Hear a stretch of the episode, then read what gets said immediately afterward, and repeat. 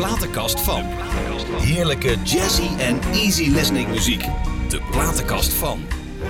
Ja, lieve luisteraars, het is 12 uur zondag. Eh, zit u lekker aan de, ja, aan de brunch, lunch zit er net tussen. Fijn dat u er ook weer bent eh, op deze prachtige zondagochtend. En eh, ik heb nou toch weer een gast. Fasten your seatbelts, want ik heb er toch een gast, mensen. Geweldig deze man. 250 kilometer hierheen gereden. 250 kilometer moet hij straks weer terug. Geen probleem. Hij vond het allemaal geweldig om hier te gast te zijn. Nou, ik hoor u denken, wat? Ja, het wordt nog veel gekker. Weet u nog, jaren geleden, die mensen die over kooltjes liepen. Dat had je op tv en dan werden ze helemaal... Hoe, en dan werden ze... Ik ga het verder ook niet zeggen. want Luister eerst hier maar eens naar. Dan weet je gelijk wie hier is. Hoeveel mensen sukkelen maar door? Ze gaan gewoon in het oude pad. Terwijl we allemaal weten, we moeten ons aanpassen of we moeten veranderen. Er is geen keus. Ja, de keus is of je aanpassen of je verandert jezelf.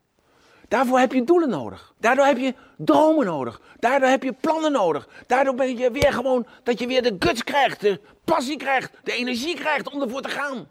Kijk naar mij. Ik heb de beslissing genomen om 20 jaar jonger te zijn. Ik ben in één keer 52. Die beslissing heb ik daarboven genomen. Iedereen zei, je bent hartstikke gek. Ik heb het gewoon gedaan. Nou, hartstikke gek, maar hij is wel, was wel zo gek om in die auto te stappen. Emiel natuurlijk, nou, als ik zo'n uitnodiging krijg van jou om hier te komen, dan om voor duizenden mensen gewoon mijn Ja. favoriete muziek te laten horen, Ja. dan is het toch nog maar één weg naar hier naartoe en dat is naar boven toe. En per slotverrekening, je had het over lunchen. Eh, Tegenwoordig, Ja. het lunchen is natuurlijk, op deze zondag is het gewoon als dineren natuurlijk. hè.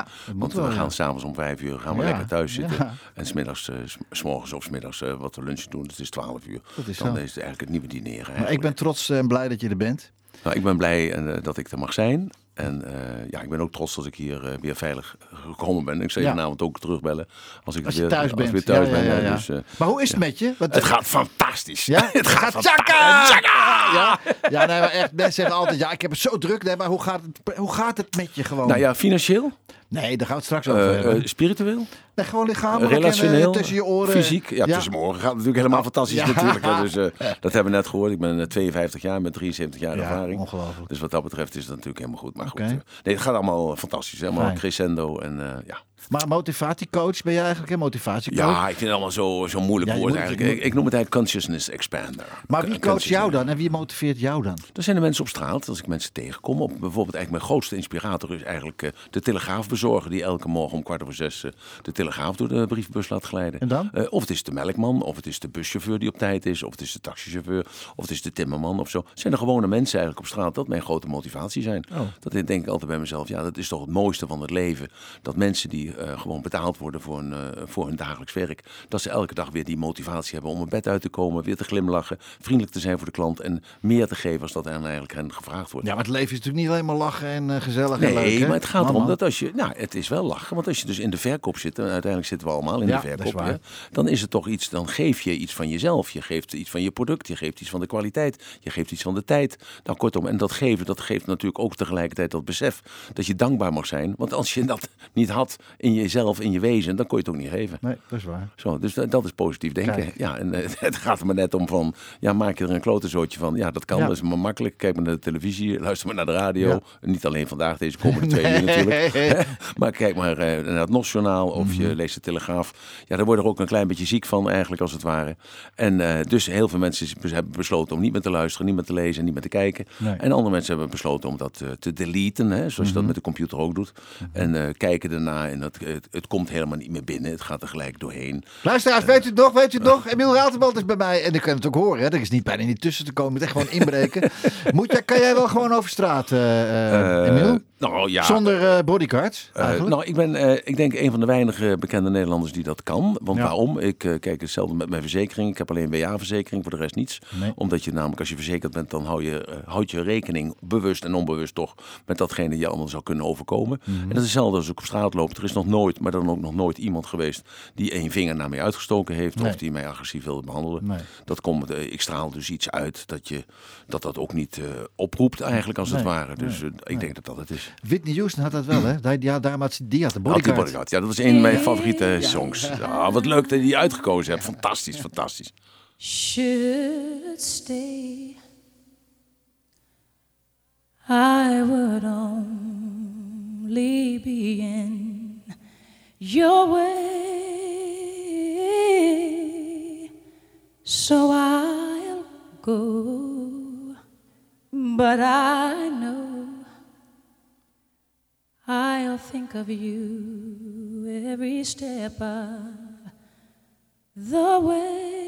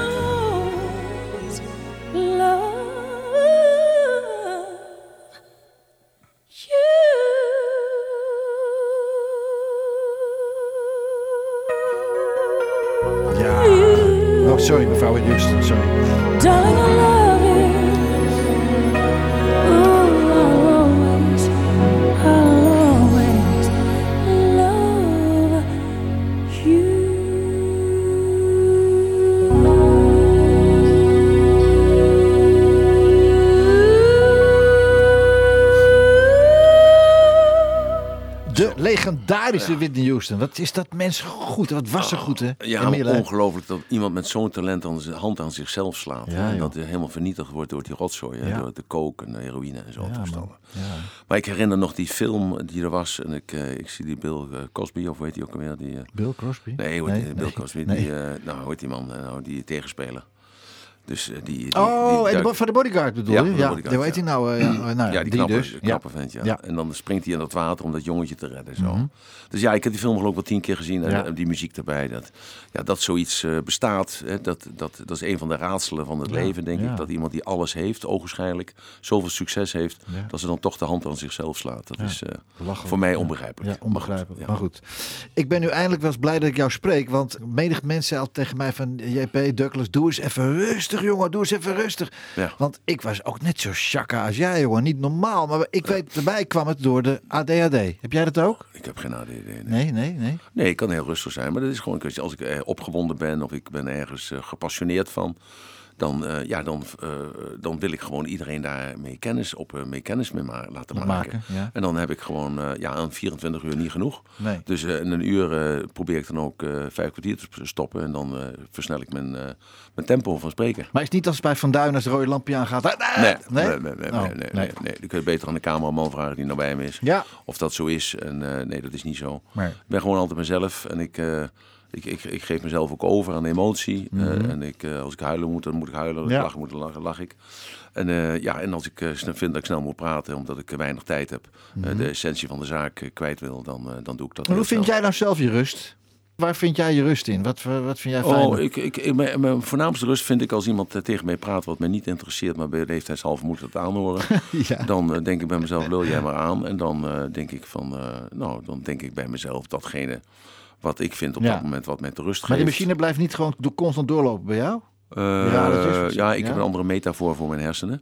Dus ik zie het als een soort computer eigenlijk, als het ware. En ik, eh, ja, het, het, het staat wel stil, maar ik luister normaal gesproken niet naar muziek. Dat was voor mij heel moeilijk om mijn tien favoriete plaatjes, of twaalf Oh. heb ik geloof bedacht, Ja. eh, om die te, eh, bij elkaar te halen. Ik heb altijd rust eh, als ik auto rijd. Ik rij 180.000 kilometer per jaar. Mhm. En dat doe ik dan lekker alleen, geen chauffeur. Dan geen kletskoek aan mijn, verhaal- aan mijn kop. En dat zijn momenten dat ik ontspan. En ik slaap natuurlijk heel veel, vier, vijf uur per nacht. Dat is dus voldoende. En als Ja. ik met mijn kinderen aan het spelen ben of zo, of, of ik ben aan het werk, dat ontspant ook. Ja. Zo, dus, Ja. eh, Maar vind je het wel verstandig om die, die afstanden 180.000 kilometer per jaar in je eentje? Je kan ook een chauffeur nemen die gewoon zijn mond houdt. Hè? ja. Je Nee, nog- ja, maar ik, eh, vroeger had ik een chauffeur tot ik dan een keer bij de Haringparty kwam. Ja. En toen ging ik eh, even de tent in waar al die eh, chauffeurs zitten. Hè? Ja. Dus eh, die hadden iedereen Dat afgeleverd. allemaal aan de alcohol, ja? Eh, nee, nee, die zaten Nee, niet oh. aan de alcohol. Oh. Allemaal met elkaar te praten. En toen sprak ik daar de chauffeur van Duisenberg. ja. En eh, die vertelde dus gewoon eh, dat de rente omlaag ging. En hij vertelde dus dat Duisenberg met, eh, met, eh, met zijn vrouw eh, problemen had. En toen dacht ik bij mezelf, ik moet nog een chauffeur nemen. Want eh, nee, er wordt ja, toch achter ja. je rug om wordt er gesproken. Ja, En ja. ik heb, had zeer zeker, maar ik heb nog steeds heel veel belangrijke mensen waar ik contact mee heb. En ik wil niet hebben dat dat buiten Nee, mijn natuurlijk zin omdat het buiten ligt. Waar komt Chaka vandaan? Wat, het is een fantastische kreet. Heel Nederland weet, als je Chaka zegt, dan weet heel Nederland al jaren. Ja. Emiel, waar komt het vandaan? Nou, Chaka. Komt eigenlijk uit Zuid-Afrika. Oh. En dat is een vrouw die is 170 jaar geleden werd die zwanger van de koning weliswaar. Maar die koning die had er geen zin in. Dus die heeft haar eh, de, de laan uitgestuurd. En toen was die vrouw daar. En eh, toen dacht ze, ja, maar nou, ze krijgt een kind. Wat moet ik daar nou mee? Nou, en toen dacht zij van, ik, ik ga naar de medicijnman en ik vraag gewoon om abortus. Dus ze komt bij de medicijnman en ze zegt, maar luister, ja, ik eh, ben drie maanden zwanger en ik, ik, ik wil er vanaf. Dus kun je me een pilletje geven of een, een drankje geven, dan kom ik er vanaf. Toen zegt de medicijnman, die zei, nee, nee, zegt hij. Hij zegt, dat is de vervulling van de profetie. Ja, hoezo de vervulling van de profetie? Toen zegt ze, ja, want het kindje wat geboren wordt, dat is de toekomstige koning van de, van de Zulu-stam. Ja, zegt die mevrouw, maar eh, ik heb geen geld om voor het kind te zorgen. Ik heb geen huis om het kind te beschermen. Ik heb eh, geen baan om, eh, om, om regelmaat of veiligheid te geven. En toen zegt die medicijnman, die zegt, je hoeft je niet druk te maken, want de, de goden zullen voor je zorgen. En toen zes maanden later kwam het eh, kindje op eh, aarde. En het bleek dus een jongetje te zijn. En eh, toen dacht ze, ja, er zal toch wel iets van waar zijn. En ze nam dat kindje nam ze op de schoot. En ze, en ze, hè, dus, eh, ze wiegde het als het ware. En ze zegt, ooit zul je eens koning van de Zulus zijn. Ooit eens zul je koning van de Zulus zijn. En er was altijd onverklaarbare weer, eh, op een onverklaarbare wijze was er altijd iemand die wat water kwam brengen. Of die een huis aanbood om te kunnen slapen. Of wat eten gaf. En zo groeide dat kleine jongetje op. Die zat op de kleuterschool. En die zei, ja, maar ooit word ik eh, koning der Zulus. Dus weet je wat ik doe? Ik, ik ga vast eh, tegen mijn vrienden zeggen dat ze moeten, moeten oefenen als een leger. Moeten oefenen als een ministerie. Moeten, Ja. moeten oefenen als, een, ja, als dat ik een leider ben. En zo heeft hij dat gedaan. Toen hij op de lagere school zat en was een jaar of 10, 11. Ja, toen had hij al een leger van 120 man. En hij had het leger bestudeerd van de Pygmeeën. Dat was een concurrerende eh, stam. En hij had gezien hoe zij stom eh, oorlog voerden. En hij vond eigenlijk dat de Zulus ook stom oorlog voerden. Want het waren geitenhouders, dus die hadden dat niet geleerd. En zo ontwikkelde hij een bepaalde manier van vechten en van strijden en van lopen en dergelijke. Nou, en toen was hij 12 jaar. En toen hoorde ik de, de koning, die wist natuurlijk van de profetie. En die dacht, hé, maar, luister, maar, maar dat jongetje, dat zal vandaag en morgen mijn kroon en mijn troon in, in pikken. Dus weet je wat ik moet doen? Ik moet hem verwijderen. Ja, als ik hem laat vermoorden vermoorden, ja, dan zullen dus de stamleden zullen kwaad op mij worden. Dus ik zal iets anders moeten bedenken. En ik, ik, ik, eh, laat hem gewoon uit de, uit de kraal verbannen. En als je toen de tijd uit de kraal verbannen werd, ja, buiten de kraal was geen vuur, buiten de kraal was geen water, buiten de kraal waren alleen maar wilde beesten. Dus dat was eigenlijk een soort verkapte doodvonnis. dus, maar die koning was natuurlijk een soort dictator, dus oké, dat gebeurde. Dus die moeder met die jongen, die gingen dus naar buiten en die kwamen in de jungle terecht. Nou ja, het lang verhaal, kort verhaal. In die zes jaar hebben ze overleefd. In die zes jaar hebben ze water ontdekt. In dat zes jaar hebben ze geleerd om eh, spiritueel eh, te overleggen. Hebben ze geleerd om met elkaar eh, ja, oorlog te voeren met andere dieren.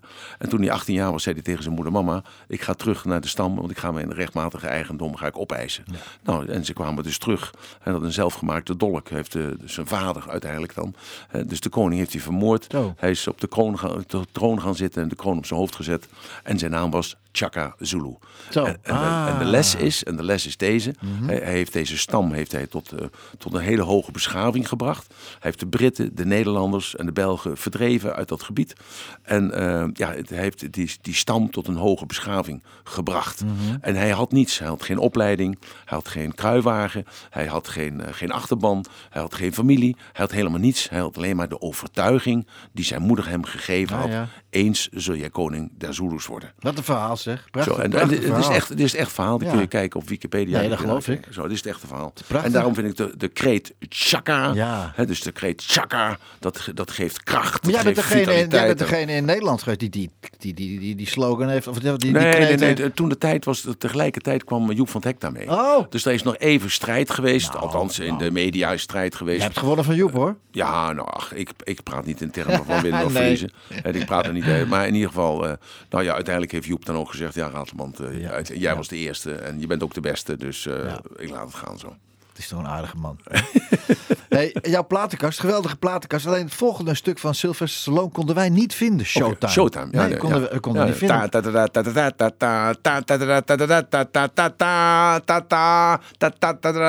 Die man kan jij hebt toch wel... Jij hebt ja, Ja, dat ja, thema nou, we ook, hebben wel deze. We Ja, hebben- en je ziet hem in Philadelphia die trap oprennen. En dan staat hij daar. Yeah, yeah! Chaka! Hey, dat is hem! Chaka! Chaka,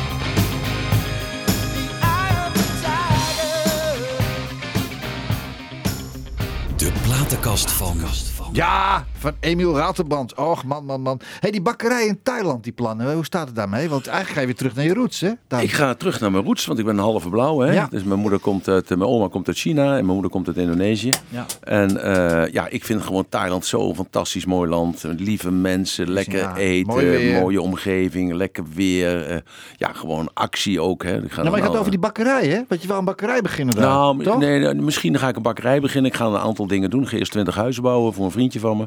Eh, daarna ga ik in de krekels en eh, daarna ga ik in de aqua, eh, aquabouw. Dat is iets heel nieuws. Maar goed, ik heb een aantal heel grote projecten. Dat en je daar een- nog zin in hebt, man. Oh, je bent Ik ben 52. 52, Ja, jongen. Dus het we weer opnieuw. Nee, en dus een van mijn wensen is eigenlijk ook om een bakkerij daar te beginnen. Ik ben bakker. Ik ben ooit als bakker begonnen. Ja. Mhm. Als, als jongen zijnde. En eh, ja, ik, ik wil dat eigenlijk toch nog een keer doen. Ik heb twee kleine kinderen. Ik, eentje, een zoon van, van, 14, van 13 en een meisje van, van 2. Hè. Dus nu eh, één maand, dus één jaar en eh, zes maanden. En er komt er nog eentje aan. Dus, Nog eh, ja? Ja, er komt er nog één aan. Heb je, weer een een, eh, jongen. heb je weer een draagmoeder gevonden, ja? Eh, nou, ik wil met respect hebben dat er over Oh, gesproken wordt. ja, dus dat is de, de moeder van mijn kind. Juist. Dus, eh, Neemt u me niet kwalijk. Nee, maakt niet uit. Geen Nee.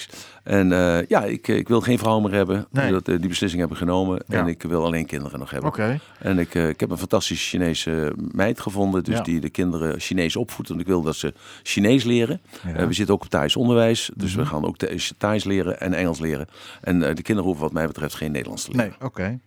Laten we toch even terug naar 11 maart 1949. We hebben de vis. Weet je wat de eigenschappen zijn van een vis? Sterrenbeeld. Echt, het is ongelooflijk dat je bent een typisch voorbeeld van een echte vis. Gevoelig, vriendelijk, mee- meevoelend, sterk intuïtie, idealistisch, een groot inlevingsvermogen, fantasierijk en wendbaar. Ja. Dat is een vis, maar dan ben jij Ja. ook echt, hè? Ja, ik ben een echte vis. Ja. Ja. Ik heb mijn antecedenten zijn leeuw. Dus dat is de, Ja. Mhm. de dualiteit in mij. Ik ben eh, heel zacht. Ik ben zo zacht als een eh, pakje gesmolten boter, zou je bijna kunnen zeggen. Maar ik ben, kan tegelijkertijd ook zo hard zijn als graniet. Ja. Dus dat is de dualiteit die ik heb. En da- daarom is het ook heel moeilijk om met mij te leven. Dat begrijp ik ook. Dus de, de aantal relaties die ik gehad heb zijn eh, op twee handen te tellen, denk ik. En eh, het samenleven is eh, op één hand. Maar dat is, eh, ik ben daar niet voor geschapen. Dus Nee. ik, ik ben meer voor het celibaat. Eh, en dat heb ik me ook. ge- eh, ja, ik vroeger wilde ik ook priester worden, maar toen hoorde ik van het celibaat. Toen dacht ik, nou, dat moet ik maar eens even niet doen. Maar nu kom ik op oudere leeftijd. Ja. en heb je natuurlijk ook andere behoeftes, daar moet ik natuurlijk ook bij zeggen. En eh, dus nu denk ik bij mezelf, nee, ik wil graag nog kinderen hebben. Nog een paar kinderen erbij. Leuk, gezellig, fijn. En, en ik ben meer vader, ben meer, meer geschikt om vader te zijn dan om echtgenoot te spelen. Ja. Laat ik dat zo maar zeggen. Oké. Maar goed, laten we Ar- eh, Arnhem, 11 maart 1949. Hoe zag de familie Ratelband er toen uit? Eh, mijn vader, eh, die was toen de tijd al, die was van 1909, dus die was 40. Dus Zo, dat was ja. behoorlijk oud voor die leeftijd. Mijn, mijn moeder was van 1916, dus die was eh, 33. Dus dat ja. was ook behoorlijk oud voor die leeftijd. Tenminste toen de tijd, in de jaren ja. 50. En ik had één broer, die was eh, 2,5 jaar ouder dan ik. Die was ge- geboren, eh, dat was vlak na de oorlog in 46. Mhm. Die was geboren in het gemeenteziekenhuis, waar ik ook geboren ben. En die is daarna, eh, eh, dus er was toen een inkwartiering. En toen waren toen weinig huizen, heel veel huizen waren weggebombardeerd. En die leefde bij opa en oma. Ja. Dus mijn ouders woonden bij opa en oma. Er was geen huis voorradig. En, ja, en toen in begin 49 zijn ze ingetrokken boven de bakkerij. En eh, toen kreeg mijn vader de bakkerij weer terug, want die was geconfiskeerd na de oorlog, omdat hij zogenaamd fout was geweest. We had aan de moffen geleverd. En dat had niet gemogen. En, eh, nou goed, maar in ieder geval. eh, en toen zijn ze ik heb de bakkerij weer teruggekregen en toen zijn ze boven de bakkerij gaan wonen. Dus ik ben in de Nieuwstad, dat is in de achterbuurt van Arnhem, ben ik opgegroeid. Oké. Ja, ik ben daar best goed terechtgekomen Ja, eigenlijk. uiteindelijk wel, man. Ja, nee, hallo, hallo, hallo, hallo. Hey, en wat, laten we even, wat, je hebt zoveel mooie muziek meegenomen, anders dan, ja, dan kunnen we geen, geen platen draaien. Elvis, wat, wat heb je met Elvis? Nou, ik vind Elvis, ja, dat was natuurlijk in mijn, in mijn jongere Ja. jaren. Hè, was Elvis, dat vond ik echt een eh, hele knappe gozer. En eh, ja, hij zag er smooth uit. Mhm. Ja. En ik, ik, ik heb dat verhaal ook toen begrepen dat hij dus in militaire dienst gegaan is. Mhm. Dat vond ik eigenlijk op de hoogtepunt van zijn roem. Is hij toch, heeft hij zijn vaderlandsplicht voldaan? Ja. ja, dat was voor mij een soort icoon, eigenlijk als het ware. Mhm. En dan vond ik die muziek was, eh, ja, dat was rauw. Die muziek was vernieuwend. Die Ja. rauw, dat, dat was muziek, eh, dat paste bij mij. Want ik was toen ook al zo bewegelijk als Mhm, nu. En eh, ja, dat, en de teksten, dat vond ik altijd, ik begreep dat ook half een beetje. Hè, want het was natuurlijk, mijn Engels was natuurlijk niet zo goed. Eh, begreep ik een beetje, maar ik- ja, dat, dat vond ik, dat, dat pure wat hij had. Ja. Dat, dat vond ik zo mooi. En dat hij een zwarte stem had. Dat Ja. Mhm. mag je vandaag de dag natuurlijk niet meer zeggen. Maar hij had een zwarte stem in een blank lichaam. Ja. En En eh, ja, ik heb er later heel veel over gelezen. Hè, hoe die stem zich ontwikkeld heeft. Doordat hij met zijn vader en moeder meeging naar de kerk. En dan werden die gospels werden daar gezongen. Ja. En zo heeft hij dat zwarte overgenomen. En d- dat paste bij hem. Sinatra was niet blij hoor dat Elvis zo beroemd werd. Hij werd- was niet blij. Uiteindelijk hebben ze wel samen gezongen. Eh, ja, maar je kunt Maar- dat niet bij elkaar vergelijken. Nee. Toch twee verschillende soorten klanten. Jawel, mij, maar ja, eh, als, als, als Sinatra zijn platen werden niet meer gedraaid. Is dat zo? Ja, destijds, ja. Oké, Dus oh, dat was, eh, niet. Ja, was best Oké. wel eh, nee, maar ik heb, eh, met Frank. Sinatra heb ik niet zoveel. Nee. Maar, maar dat was natuurlijk... Dit om- was de platenkast van. Nee, nee, ik, niet zoveel. Maar Nee, begrijp je? Dus ik was eh, Elvis Presley. Dat, Ja, ik vond, nou. het was gewoon een idool. En ja, altijd lekkere wijven om me heen. Ja. En ja, ja, mag je toch rustig zeggen. Tuurlijk, oh, moet je ook eens proberen. Moet je ook eens doen. Moet je ook Ja, eens doen. ja, ik, ik heb niet die seksappeal die hij Nou, heeft. Ik weet niet of het seksappeal is. Maar in ieder geval, ik heb dat niet. Nee. Maar in ieder geval, ja, dat, dat vond ik gewoon. En die films die hij maakte, vond ik ook helemaal om weg te kwijnen. Ja. En weg te dwijlen eigenlijk, als het ware. Zullen we Dus, gaan eh, luisteren naar hem, Ja, ja, ja. Welke heb je Return uitgekozen? to sender. Ah, Return to sender. Yes, sir. Return to sender. Return to sender. I gave a letter to the postman. He put it in his sack. Bright and early next morning, he brought my letter back. She wrote upon it. Return to sender. Address unknown. No such number. No such zone. We had a quarrel. A lover's spat. I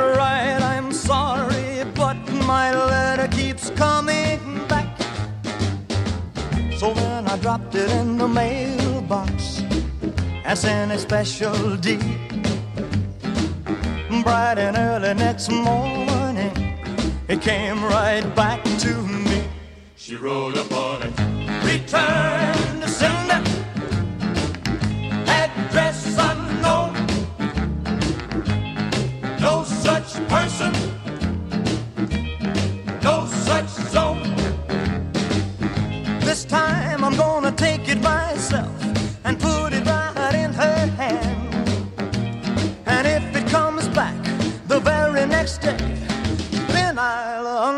understand. Writing on it. Return to sender. Address unknown. No such number. No such zone. Return to sender. Return to sender. Return to sender! Hey, tjaka! Dat fantastisch, man. En op deze zondagmiddag is dat great, man. Bent je ook aan het dansen op het bankstel heen? Nou, hey, laten we even teruggaan, en, en even teruggaan in de tijd. Laten we zeggen 1965. 65, en weten ja. wat we nu weten. Had jij Elvis kunnen redden met jouw coaching, met jouw... Zeker weten, zeker weten, zeker weten. Ja, ja, ja. Had je van de drugs af kunnen Ja, houden? natuurlijk. Ja, ik heb dat eh, regelmatig gedaan. En ik, eh, ja, dat kan. Want het is een beslissing nemen. En heel veel mensen, ja, die weten dat ook wel. Maar ze durven dat niet, omdat ze bang zijn dan te- dat ze dan eh, dus cold turkey krijgen. Maar Als i- iemand een beslissing zelf neemt om van de rotzooi af te gaan. Mhm. En hij neemt zelf die beslissing voor zichzelf, door zichzelf, krijgt hij geen cold turkey. Nee, maar je had hem kunnen, moeten over, kunnen overtuigen. Ik bedoel, hij is 42 geworden. Misschien had hij nou al 85 of Dat is toch 90. ongelooflijk? Met Ongelooflijk. 42, dus dat is het tweede voorbeeld. Hè? Dus eerst eh, Ja, Whitney, Houston, Whitney Houston. En dan, eh, die had ook alles. eh, Elvis Presley had alles. mooie vrouw. ja. een schat van een dochter. Dat, nou, dat hele estate wat er is. Eh, eh, eh, hoe heet het? Mississippi? Nee, Ja. niet de Mississippi. Nee, eh, nou ja, goed, kortom. daar. Dat weten we allemaal. Ja. Daar in Amerika. Ja. Had alles en toch eh, ja, maakte er eind aan. Dus, en dat, dat is, heeft mij altijd als jongen al geïntrigeerd. Mhm. Hoe dat nou kan. Hoe, wat maakt nou het verschil tussen iemand die succesvol is en iemand die zich een mislukkeling waant? Hè, wat is dat nou dat verschil? Is dat geld? Is dat aanzien? Is dat respect? Is dat verantwoordelijkheid? Is dat daadkracht? Is dat passie? Wat, wat is dat nu eigenlijk? Wat is dat verschil? En ik ben tot de conclusie gekomen dat het verschil is. Dat is karakter. Dat is karakter. Dus het karakter wat je hebt in aanleg hè, en dat je dan ontwikkelt, eh, dat, dat maakt het verschil. Of je een loser bent of dat je een winnaar bent. En je mag dat vandaag de dag in 2021 bijna niet meer zeggen. Dat er verschil is tussen mensen. Hè, want eh, Nee. er wordt gekeken naar de Maar daar verschillen. heb jij nooit aan gestoord, toch? Nee, daar stoor ik me nog steeds Nee, niet aan. stoor me niet aan. En, en dat is vandaag de dag is dat natuurlijk heel erg eh, een hele serieuze ontwikkeling. Mhm. Dat we gaan kijken naar de verschillen. We hebben, er zijn zo grote verschillen in inkomen. Er zijn grote verschillen in kennis. Er zijn grote verschillen in afkomst. Er zijn grote verschillen in onderwijs. Er zijn grote verschillen. Nee, we moeten niet kijken naar die verschillen die er zijn. We moeten kijken naar het goede voorbeeld. Want waarom is de ene jongen die uit een eh, lager milieu komt, succesvol op school. En iemand die dus uit een hoger milieu komt, is slecht op school. Wat, is dat, wat is dat verschil? Hoe komt die intrinsieke motivatie, hoe komt die tot, tot stand? Is Ja. dat een voorbeeld? Eh, of zit dat in die persoon gegoten? Nou, ik heb daar boeken over geschreven, een stuk of 18, 19 boeken heb ik erover geschreven. Ik heb dat elke keer geprobeerd te benaderen vanuit een andere visie. Tot dat laatste boek heet Body Logic. Dat is de vorm van je gezicht, de vorm van je lichaam. Hè, want karakterologisch, wij zeggen in al de mystische boeken boven is gelijk aan beneden. En we zeggen ook dat binnen is gelijk aan buiten en buiten is gelijk aan Mhm. Hoe binnen. is dat bij Jos, denk je? Als je naar Jos' eh, lichaam kijkt, hoe zit dat bij Jos in elkaar? Denk je?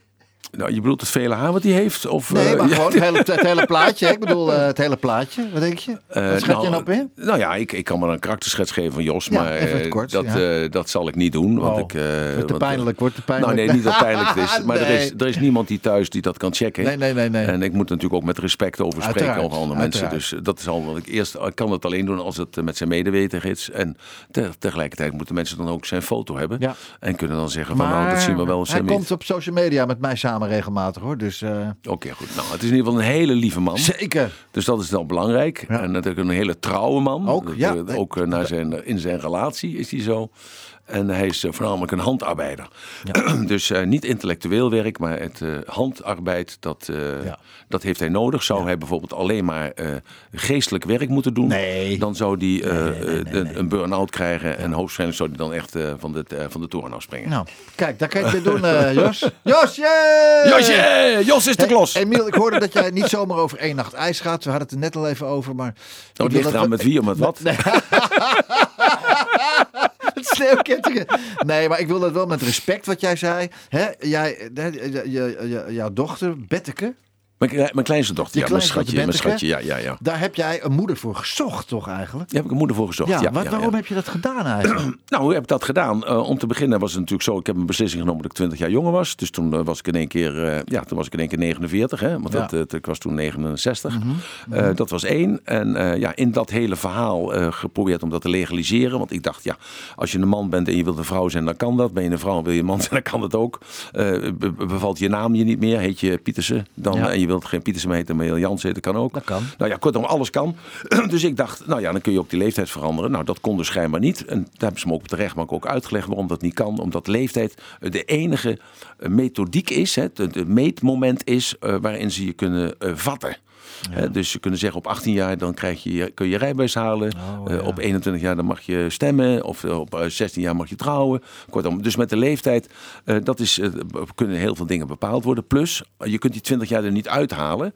Want welke 20 jaar moet je er dan uithalen? Moet je dan de uithalen van je 17e tot je... Ja, maar goed, dan had je ook geen recht op AOW bijvoorbeeld. Zei, Oh, zei de rechter toen ja, tegen mij. terug, ja. Ik zei, nou, dat is niet zo erg. Hij zei, ja, maar dat kan niet. In jouw geval, in jouw geval niet. Nee, Nee, maakt niet uit. Hij zei, maar dat kan niet. Nou, dus ik heb daarin berust. Maar dus nadat ik die beslissing heb genomen, dat ik 20 jaar jonger was. Mhm. En echt ook ben gaan leven als een 49-jarige. eh, paste daar natuurlijk een kindje bij. Ja. Nou, en toen ik bij een vriendinnetje was en ik had dat kindje van haar op mijn schoot.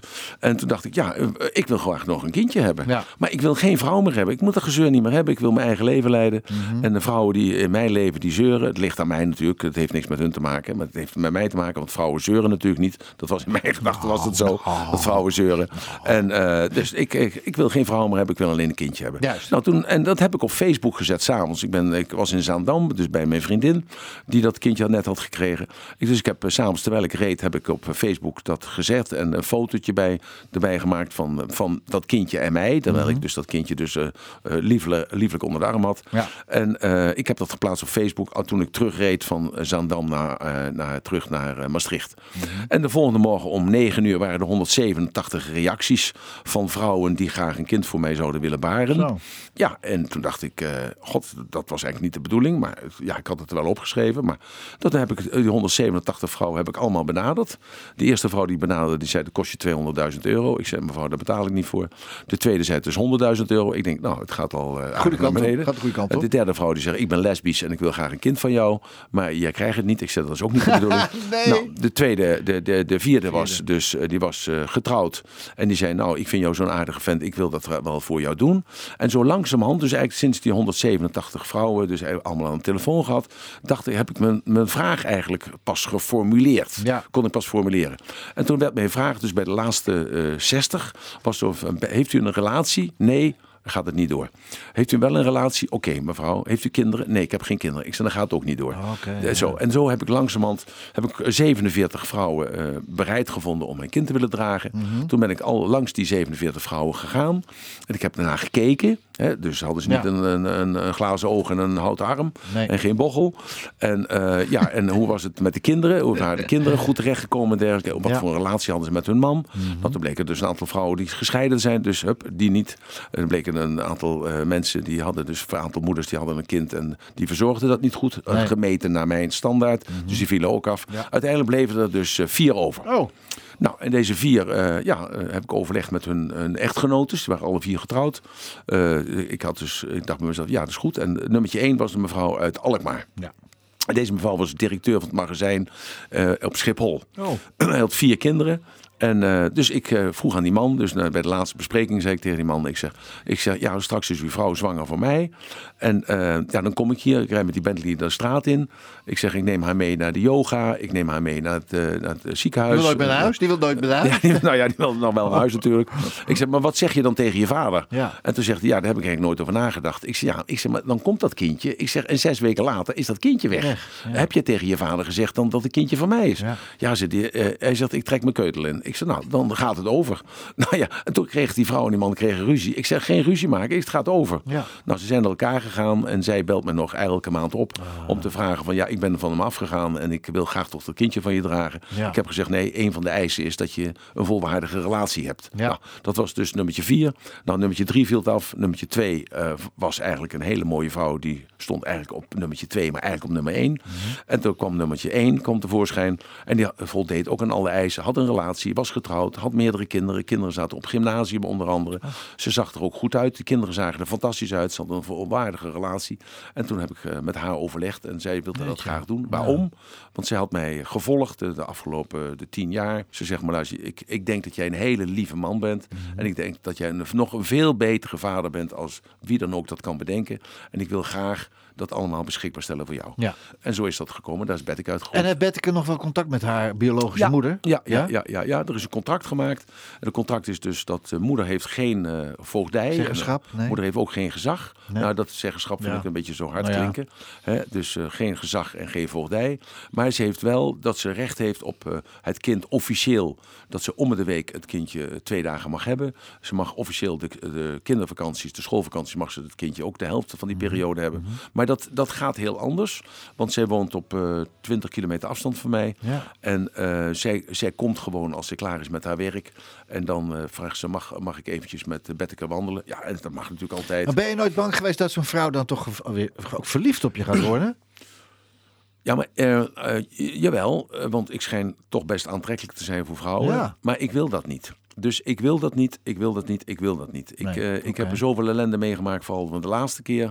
Het me zoveel geld gekost en Ja. zoveel tijd en zoveel energie en zoveel liefde. En Ja. het heeft me zo'n zo'n opsodemieter gegeven dat een vrouw zo rancuneus kan zijn. Mhm. En de kinderen houden ze bij je weg. Dus eh, dat nooit meer. Nou, Eigenlijk was die laatste een thriller. Michael Jackson! It's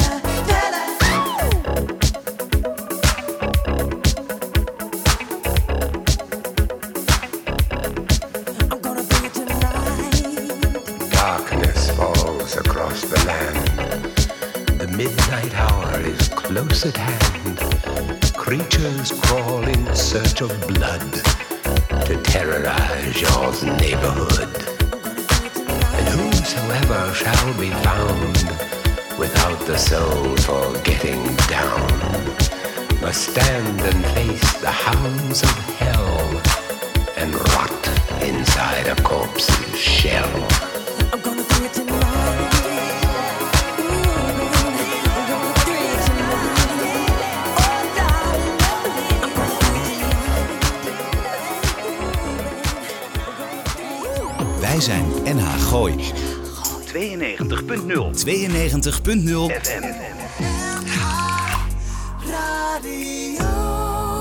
De platenkast van. platenkast van. Op NH Gooi. NH Gooi. Nou, is nou klaar? De platenkast van Emiel Ratelband.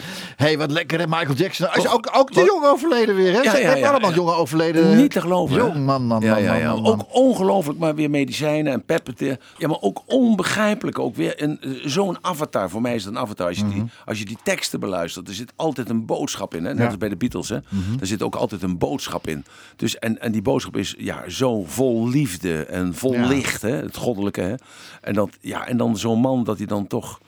Ja, dat hij dan eh, uitgeleefd is of zo. Ik, ik, ja, is, Mhm. Ja, ik weet ook niet hoor. want het is ongelooflijk niet te begrijpen. Ik wil even teruggaan naar de introductie van de show. Dan zeg jij eh, in dat filmpje, of in, dat, in die videoboodschap. Nee, wat is het? Geen videoboodschap, het is een... Shout-out. Ja, shout-out. shout-out. Ik ben in één keer 52. Ja, sorry hoor, maar ik mag eerlijk tegen je zijn, toch hè? Ja.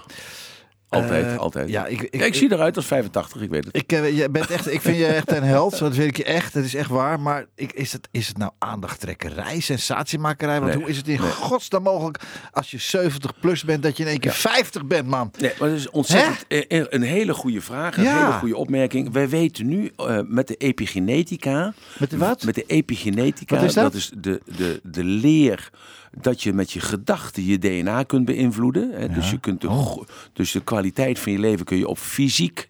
Hè? Dus we wisten dat al, dat bijvoorbeeld stress die je ervaart... Hè? Je zit in de auto, je bent een uur te laat. Dan denk je, oh, ik ben een uur te laat. Nee, God, wat, moet er maar gebeuren? Ja, ja, ja, ja. Hè? Dat is stress. We weten dus nu dat je dus, als je dus te laat bent... en je, je neigt daar nou te doen, dat je Ja. tegen jezelf zegt... ja, maar ik heb ook nog een uurtje dan eh, voor mezelf. En eh, ja, ik mag ook rustig te laat komen. Hè? Dus, dus stress is subjectief. Mhm. Dat weten we dus. Hè? Dus met andere woorden, dat wat ons overkomt... kunnen we het etiket geven wat wij willen. En daar lijden wij onder of wij bloesemen daaronder. Ja? Dus dat zijn twee verschillende zaken. Dat, dat weten we dus nu. Maar er is dus iets ontdekt, dat is de zogenaamde epigenetica. En de epigenetica heeft zich afgevraagd, hoe kan het nu dat als er een medicijn aan 100 man gegeven worden, en, dat, en en van die 100 man zijn er 50 die krijgen dus een placebo, dat van die 50 dat er dus dan eh, 45 genezen. Hoe Ja, kan ja, dat ja, nou? de geest neemt dus over hè, van dat medicijn. Zo, en dat noemen we dus de epigenetica. En wij weten dus nu dat wij dus met onze gedachten, eh, als je kijkt eh, gewoon even naar de menskunde, dus je kijkt even op eh, cellulair niveau, dan weten we dus dat in de DNA zit dus de, zit de informatie. En de RNA die haalt de informatie eruit en die krijgt een signaal. Je hebt nu een levercel nodig, of je hebt een oogcel nodig, of je hebt een hartcel nodig. Ah, ja. En want elke cel is anders. Er zijn honderdduizend verschillende soorten. De ene wetenschapper zegt 100.000, de andere wetenschapper zijn 365.000. In ieder geval heel veel duizenden, honderden, duizenden verschillende soorten eiwitten. En die eiwit wordt gemaakt. En dat, dat hebben we dus altijd gedacht. Maar het blijkt dus nu dat, dat, dat het DNA een opdracht krijgt van een andere eh, eiwit, een ander soort eiwit. En dat eiwit dat wordt geïnstrueerd door wat je zegt, wat je denkt, wat je voelt. En die bepaalt dus dan wat daar uit die DNA naar voren komt. Dus dat is een heel nieuw een nieuw, nieuwe gedachte. Wat laat zien dat Ratelband nog niet zo gek is als dat hij eruit ziet of dat je hoort. Dat je dus zelf bepaalt de kwaliteit van je leven. Dus je leven verjongt eigenlijk als het ware. Als je tegen jezelf zegt: eh, Ik heb er zin in. Eh, ik heb eh, passie. Ik heb energie. ik vind het leuk. God, ik heb een functie. ik heb nog om ergens voor te gaan om voor te leven. Je voelt dat in je lijf. Hè? Jij gaat hier naartoe om dit te doen. Zo vanochtend zondagmorgen. Je had ook naar je schoonmoeder kunnen gaan. Ja. Dan had je met minder plezier hier gezeten, denk ik, als dat je nou hier zit. Ja, Even zo. ach, ja. nou, dus, maar dat beïnvloedt dus jouw levensloop. eh, dus echt fysiek. En dat is te zien. Mensen die werkelijk godsvruchtig zijn. Hè? Of mensen die werkelijk begaan zijn met iets. Mensen die ergens in geloven. Mensen die met passie leven. Die hebben een ander uiterlijk, een andere Ja, kleur op ja. hun wangen. Als mensen die ja, er geen zin meer in Ja, hebben. ja, ja, En mensen, ja, ja, eh, ja, ja, gadverdamme. Zo. Dus, dus je levensloop bepaal jezelf. En die eye-opener, Mhm. dat bevestigt dus datgene dat ik zo gek ben om die je leeftijd te verjongen. Mhm. Om dan te zeggen van de daken af te roepen, ik ben 20 jaar jonger geworden. Iedereen zegt je bent hartstikke gek. Maar het is net als in 1996 dat ik daar stond voor het Nederlands elftal tegen Noorwegen. En dat ik zei tegen die jongens, die dat elftal, zei ik, jongens we gaan winnen. Ja, we gaan winnen, de bal is rond. Ik zei jongens, gewoon als wij geloven dat we gaan winnen, gaan we winnen. Ja, zei die jongens, we willen wel geloven dat we gaan winnen. Maar ja, we weten nog niet zeker met hoe we gaan winnen. Ik zei, als we er nou van maken dat we gaan winnen met 2-0, Ja. dan gaan we ook winnen met 2-0. Ja, dat kun je nou wel zeggen, maar wij geloven dat niet. Ik zeg, maar luister, dan ga ik dat nu. Ik belde RTL op, ik belde de NOS op, ik belde de Telegraaf op. De volgende dag stonden er overal Big. Ratelband zegt dat Nederland, Noorwegen, ga- dat Ro- Nederland gaat winnen met 2-0. En, eh, ja, en toen kwam ik dus in de catacombe daar van het Ahoy, eh, of van, de, de, de, de, van het stadion. En toen zeiden die voetballers tegen mij, als jij dat durft te zeggen, dat jij je kop in de strop durft te steken om te zeggen dat we gaan winnen met 2-0, dan gaan we winnen met 2-0, want wij willen niet dat jij voor gek Nee, verklaard nee, wordt. nee, nou, geweldig. En zo Ja. zijn we gewonnen met Ja, 2-0. ja, is snap toch je? toch en toen zei iedereen van, ja, die Ratelband heeft geluk gehad. Ja, die Ratelband is hartstikke gek. En, dan moet en als je het allemaal zo weet, dan moet hij dus eh, bij mij de lotto-nummers voorspellen. Kijk, iedereen heeft altijd natuurlijk wat te zeuren. Mhm. Ja. Mhm. En te zeiken en te klagen en kritiek te hebben. Nee, maar kijk nou eens eventjes naar wat die voetballers hebben gedaan. Kijk nou eens naar Nederland, hoe trots we zijn op een Max Verstappen. Hoe trots we zijn op Rico Verhoeven. op ons Nederlands elftal. Op de vrouwenhockeyers. De vrouwenvoetballers. Je kijkt gewoon de unieke prestaties. Wij leven, bij onze vloeroppervlak van Nederland, het landoppervlak, is 0,2% van de wereld. En wij zijn verantwoordelijk. We zijn de grootste exporteur van vlees, Bloemen, van zuivel, bloemen. van bloemen, Ja. van groenten. De grootste exporteur. En al die, al die boeren, die moeten nou driekwart moeten ervan weg. Ja. Hoe moet dat dan met ons bruto nationaal product? Wat moet er ermee gebeuren? Ja, het moet natuurgebied worden. Ja, het moet woongebied worden. En straks hebben we natuurgebied. En straks hebben we woongebied. En we hebben niet te vreten. Emiel. Luister, Emiel, dat- we Emiel. moeten Ja. visie hebben. Ja, maar begrijp je nou? Ja, ja, dus als ik daarover praat, dan gaat mijn, snel, mijn stem gaat weer sneller. Mijn stem gaat weer harder worden. Want dan krijg ik weer de visie. En dan krijg ik denk bij mezelf... Jongens, wat maken jullie er toch allemaal een klotenzooi van? Weet je wie er ook zo jong van geest is gebleven en echt geen gemakkelijk leven achter de rug heeft? De hoofdredacteur van het onafhankelijke opinieweekblad van, de Rot van het Rotterdamse Riool, de Bruine Rotterdammer. Ken je die? Nooit van gehoord. Mij, niet? voor mij hou je me een beetje voor de gek. Nee, echt niet. Hij- Bruine de Bruine Rotterdammer. Rotterdammer is een weekblad. Ik en denk hij aan een komt- homofiel nu op Nee, de nee, een of andere nee, manier. Ja, nee, nou, sorry, Nee, nee, nee. kwalijk. Hij komt uit het Rotterdamse Riool. Hè? Dus, Ja, ja, ja, omdat het ook bruin is, Hij dan komt ook, eh, eh, elke week even voorbij en ik heb hem verteld dat jij zou komen. Jos, laat de remmen maar los! Wat vindt Simon Stokvis van... Simon, ben je daar man? Ja, nog, ja, nou, ja, ik ben er nog steeds, ja. Ik zit wel een kwartier te wachten al. Zeg, want ik ken die gozer aanhoeren, zeg. Die heeft niet. Hij hoort je, hè? hij hoort wat je zegt, hè? maar dat geeft niet. niet maar van de epigenetica, daar ben ik met hem eens. Want ik ben ook 28. Ja. Juist, precies. Oh, Goed zo. kijk. Nou, Ik ben 28. Nou. ja, je klinkt ook zo, moet en ik dat zeggen. Komt, en dat komt door epigenetica. Epigenetica.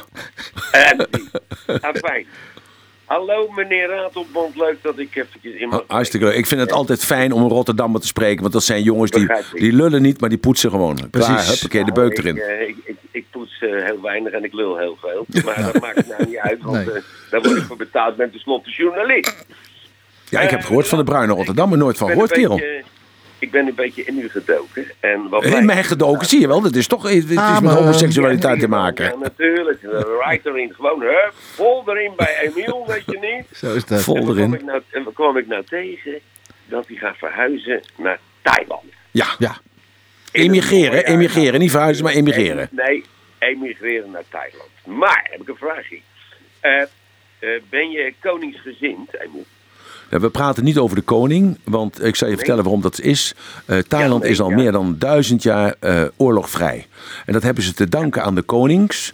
De koningen hebben namelijk altijd, eh, die waren diplomatiek zo onderlegd, dat ze altijd de vijand buiten de deur hebben gehouden. Zelfs tot de Japanners toe, hè, in de Tweede Wereldoorlog. En het volk is hen daar zo dankbaar voor, dat zij die, Ja. de, de, de konings aanbidden als goden. En wij als Ja. Westelingen kijken daar natuurlijk op een andere manier naar. Dat mag. Maar ik, eh, wat dat betreft, eh, ik ben Nee, maar- helemaal ja, pro-koning. Dat zal allemaal wel, maar wees nou voorzichtig als je er bent.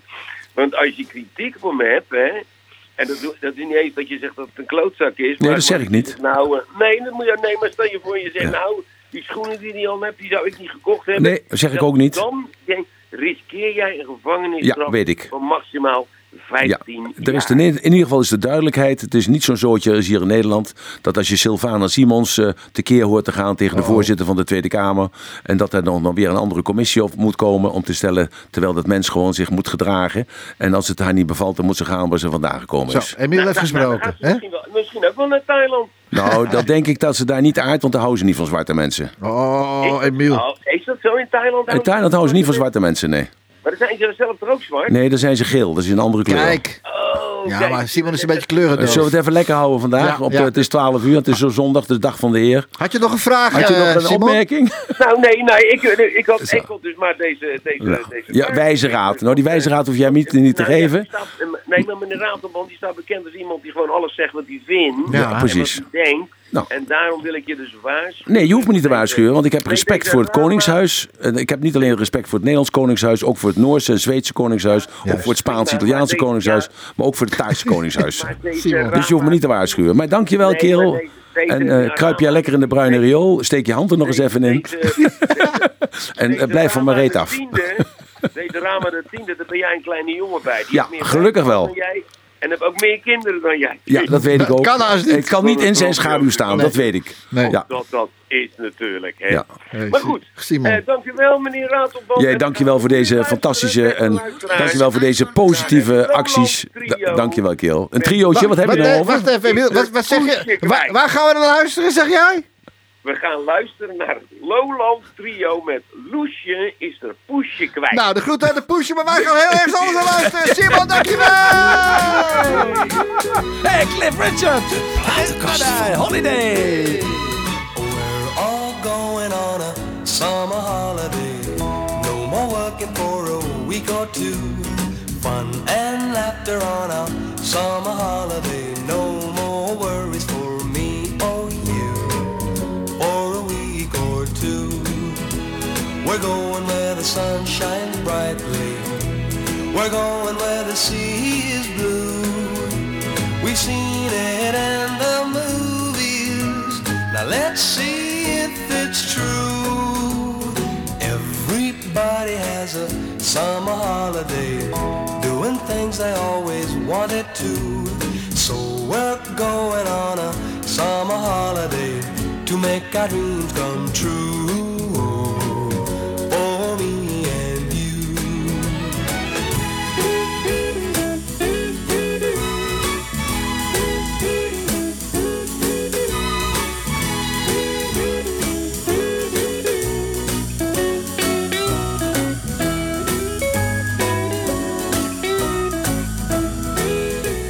We're going where the sun shines brightly. We're going where the sea is blue. We've seen it in the movies. Now let's see if it's true. Ja, het is te gezellig met eh, Emiel, hè? Is dat afgelopen? Nou ja, Moet huis? uur, het eerste Moet weg? uur. Nee, we gaan nog een uur door. Lieve luisteraars, geniet nog even van u, verder, verder van uw lunch. En we zien elkaar, we spreken elkaar volgende week zondag weer. Weer met Emiel Rateman.